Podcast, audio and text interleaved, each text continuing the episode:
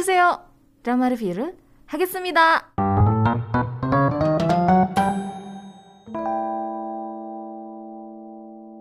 Oke, drama Love All Play atau Going to You at a Speed of 493 km kilometer. Didirect oleh Jo Woong, writernya itu Ho Sung Hye, networknya sebenarnya di KBS 2 TV. Tapi kalau misalnya kamu pengen nonton, hanya tersedia di platform uh, Disney Plus ya. Episode itu ada 16 sudah tamat. Dirilisnya dari tanggal 20 April sampai 9 Juni 2022. Uh, diperankan oleh ada Park Joo Hyun, Choi Jong Hyuk, kemudian Park Ji Hyun, Kim Woo Jun, So Ji Hye dan masih banyak lagi. Aku nggak akan bahas lebih detail karena sudah pernah dibahas sebelumnya ya. Jadi kalau kamu pengen dengerin lagi, uh, emang si castnya ini pernah main di drama apa aja sih? Terus uh, direkturnya pernah ngedirect drama apa atau writernya pernah nulis drama apa? Uh, dengerin di podcast aja ya. Soalnya kalau dibahas lagi nanti terlalu panjang. Oke, okay, drama ini secara garis besar nyeritain soal atlet badminton.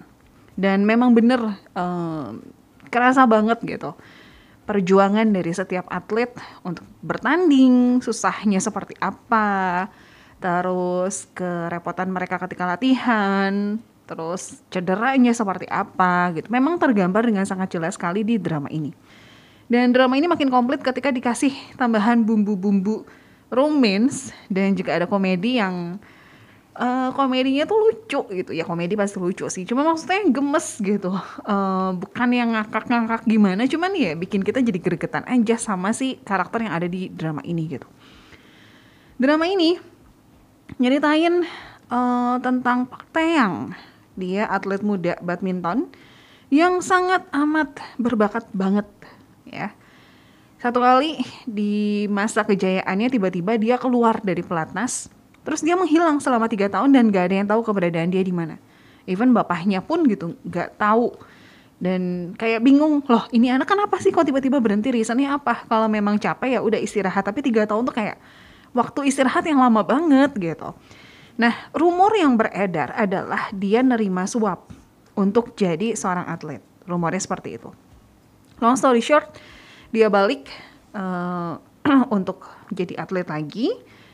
Dan ketika ditanya soal rumor suap itu problemnya adalah fakta yang tidak membantah ataupun dia tidak mengiyakan juga rumor tersebut. Jadi kayak masih ngambang aja gitu. Jadi kayak dia memberikan uh, kepada lawan bicaranya atau kepada orang-orang untuk menilai sendiri aja gitu. Dia nggak mau menjelaskan dia nggak mau membantah dia nggak mau mengiyakan gitu. Pokoknya setiap kali di uh, dimension soal rumor itu dia cuman diem gitu greget gitu pas nonton tuh kayak kenapa sih kamu nggak ngomong gitu? Kamu jelasin dong sebenarnya kamu ke mana?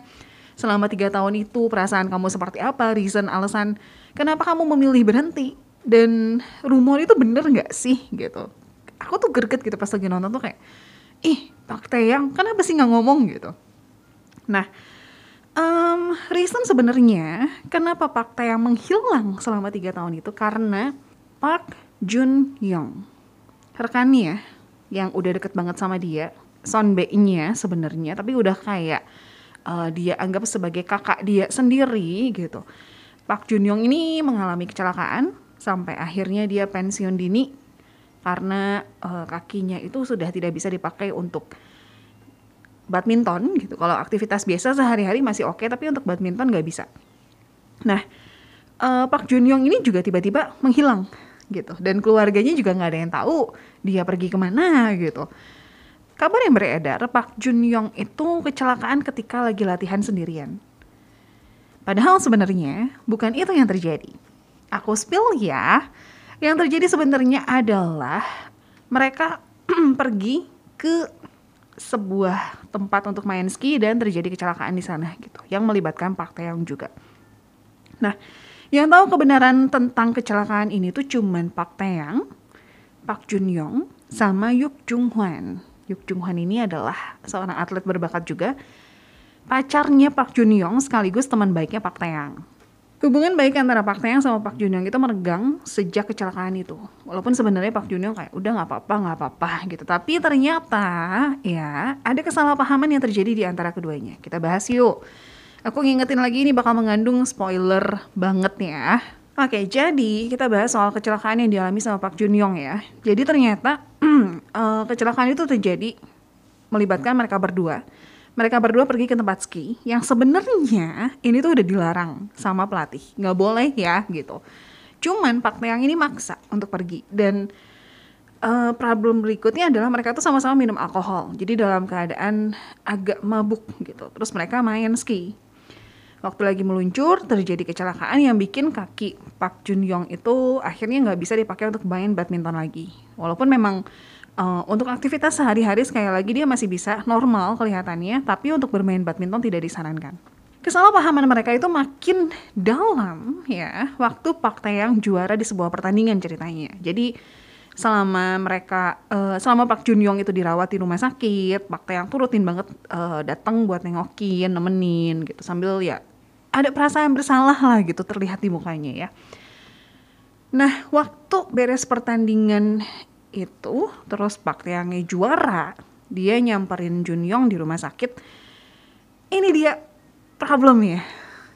Dan akhirnya kebuka gitu. Oh ternyata gara-gara ini. Gitu. Mereka berdua akhirnya jadi renggang tuh gara-gara ini gitu. Cuman kita sebagai penonton diajak untuk melihat dari dua sisi, dari masing-masing sisi gitu, dari sisi Pak Taeyang sama dari sisi Pak Jun Yong gitu. Nah jadi momen di rumah sakit itu waktu udah menang Pak Taeyang itu ngomong ke Jun Yong ya, Oni, thank you ya, gitu. Dia bilang gitu. Oni terima kasih ya, gitu. Maksudnya kita paham sih ketika nonton tuh kita paham gitu. Maksudnya Pak Taeyang saya thank you itu sebenarnya uh, apa ya Teyang itu kayak makasih ya gitu Oni udah ngebelain saya gitu nggak nggak ngelaporin sama pelatih kalau kecelakaan itu terjadi waktu kita lagi main ski berdua gitu. Dan saya masih bisa bertanding nggak dihukum dan masih bisa jadi juara gitu. Makanya Tayang saya thank you gitu. Tapi di sisi lain di sisi Junyong Junyong tuh bingung gitu. Antara bingung kesel sama hah kok gini sih? gitu Tayang malah saya thank you sih. Harusnya kan dia saya sorry. Dia yang bikin saya sampai jadi kayak gini gitu. Kok malah saya thank you? Yang Junyong harapin itu adalah Tayang saya sorry. Nah itu problemnya. Kesalahpahaman mereka tuh di situ gitu. Dan akhirnya mereka berdua jadi makin menjauh menjauh terus tiba-tiba Junyong menghilang aja gitu. Terus uh, hal lain yang pengen aku bahas dari drama ini adalah Pak Taeyang itu kan seorang atlet yang berbakat banget ya Terus dia uh, break selama tiga tahun, dia menghilang dan selama tiga tahun itu dia uh, nggak latihan sama sekali, nggak pegang raket sama sekali. Dia pegang yang lain lah gitu. Aku nggak akan spill dia ngapain selama tiga tahun, nonton aja ya. Um, dan comebacknya Pak Taeyang itu tentu nggak gampang, betul nggak? Dari segi diri sendiri sama dari segi lingkungan orang lain gitu dari diri sendiri ya bayangin aja selama tiga tahun dia nggak pernah pegang raket sama sekali. Jadi waktu dia comeback kekuatan sama kemampuan fisiknya tuh beda kan pasti kan?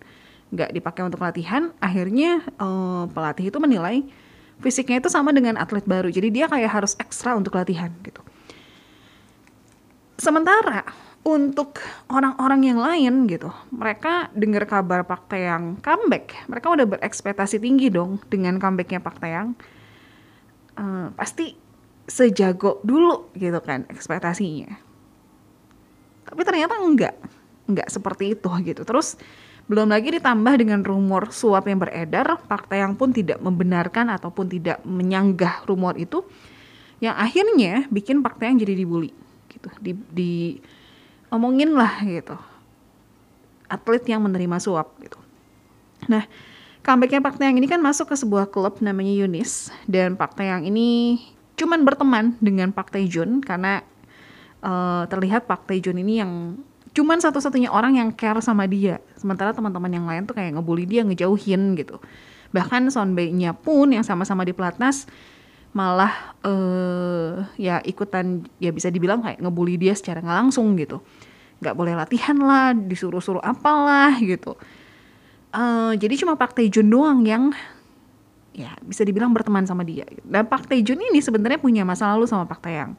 Masa lalunya apa? Jadi uh, mereka berdua bisa dibilang sama-sama ditakdirkan ya Park Taeyang itu ditakdirkan atau bisa masuk ke badminton tuh gara-gara Park Taejun gitu uh, Taejun sebenarnya punya kemampuan yang luar biasa dia jago banget selain jago dia pun care dan perhatian banget sama uh, partnernya gitu cuman sedihnya adalah dia bukan apa-apa di keluarganya Park Taejun ini sebenarnya adalah adik dari Park Jun Young Cuman walaupun dia berbakat, orang tuanya tuh lebih membanggakan Park Jun Young. Kalau misalnya Park Jun Young menang, orang tuanya tuh kayak happy banget. Tapi sementara kalau Taejun menang kayak nggak nggak gitu gimana gitu. Jadi Park Taejun itu kayak kurang diperhatikan dan uh, dia harus selalu mengalah demi kakaknya. Apa pun itu gitu, dia harus ngalah. Pokoknya uh, kakak duluan.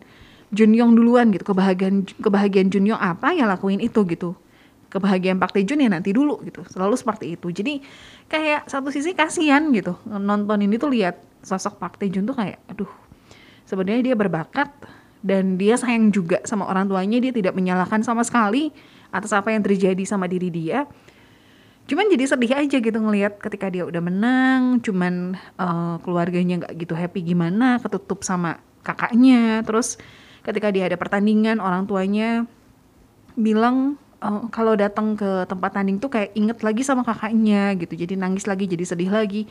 Akhirnya ya ketika pertanding Pak Junyong nggak eh Pak Pak Taejun Pak Taejun ya nggak didampingi oleh keluarganya gitu dengan reason itu. Di drama ini kelihatan banget ya uh, proses tidak akan mengkhianati hasil kalau misalnya kamu latihan dengan sungguh-sungguh kamu akan bisa mendapatkan hasil yang maksimal gitu sesuai dengan apa yang sudah kamu kerjakan gitu Terus by the way, uh, judul Love All sendiri ini diambil dari idiom yang dipakai di lapangan bulu tangkis ya untuk nunjukin skor 0-0 gitu di awal pertandingan. Dan istilah ini juga selalu diucapkan sama wasit ketika pertandingan akan segera dimulai. Terus kalau misalnya ada pemain yang meraih poin pertama, maka istilahnya itu jadi one love atau love one gitu. Jujur ya aku sendiri waktu nonton drama ini awalnya nggak nggak gitu ekspektasi gimana gitu. Bahkan sempat sempat nggak nonton beberapa waktu gitu karena aku pikir ya adalah dramanya gitu doang gitu. Cuman akhirnya lanjut nonton dan eh seru lumayan lah gitu. Um, bener-bener kegambar jelas gimana para atlet ini berjuang terus kalau mereka cedera sedihnya kayak apa karena mereka nggak bisa tanding Terus uh, diceritain juga ketika atlet sampai di masa pensiun mereka, di umur mereka untuk pensiun gitu. Sedihnya kayak apa harus ninggalin uh, dunia yang selama ini jadi hidup mereka gitu bulu tangkis. Apalagi kalau pensiunnya itu bukan pensiun yang uh, ya let's say baik-baik gitu. Itu kayak sedih banget gitu. Direkomendasiin sekali untuk kamu tonton. Kenapa? Karena dramanya nggak gitu berat, dramanya tergolong drama ringan. Yang nggak akan bikin kamu mikir jauh-jauh gimana. Nggak akan. Ini ringan banget asli. Terus dibungkus juga dengan komedi-komedi yang ringan juga. Um, dibalik sedih-sedihnya gitu walaupun ada momen yang sedih banget. Uh, tapi tetap ada momen-momen di drama ini yang bikin kamu ketawa-ketawa sendiri gitu. Ya jadi kalau yang pengen nonton boleh ditonton di Disney Plus. Thank you.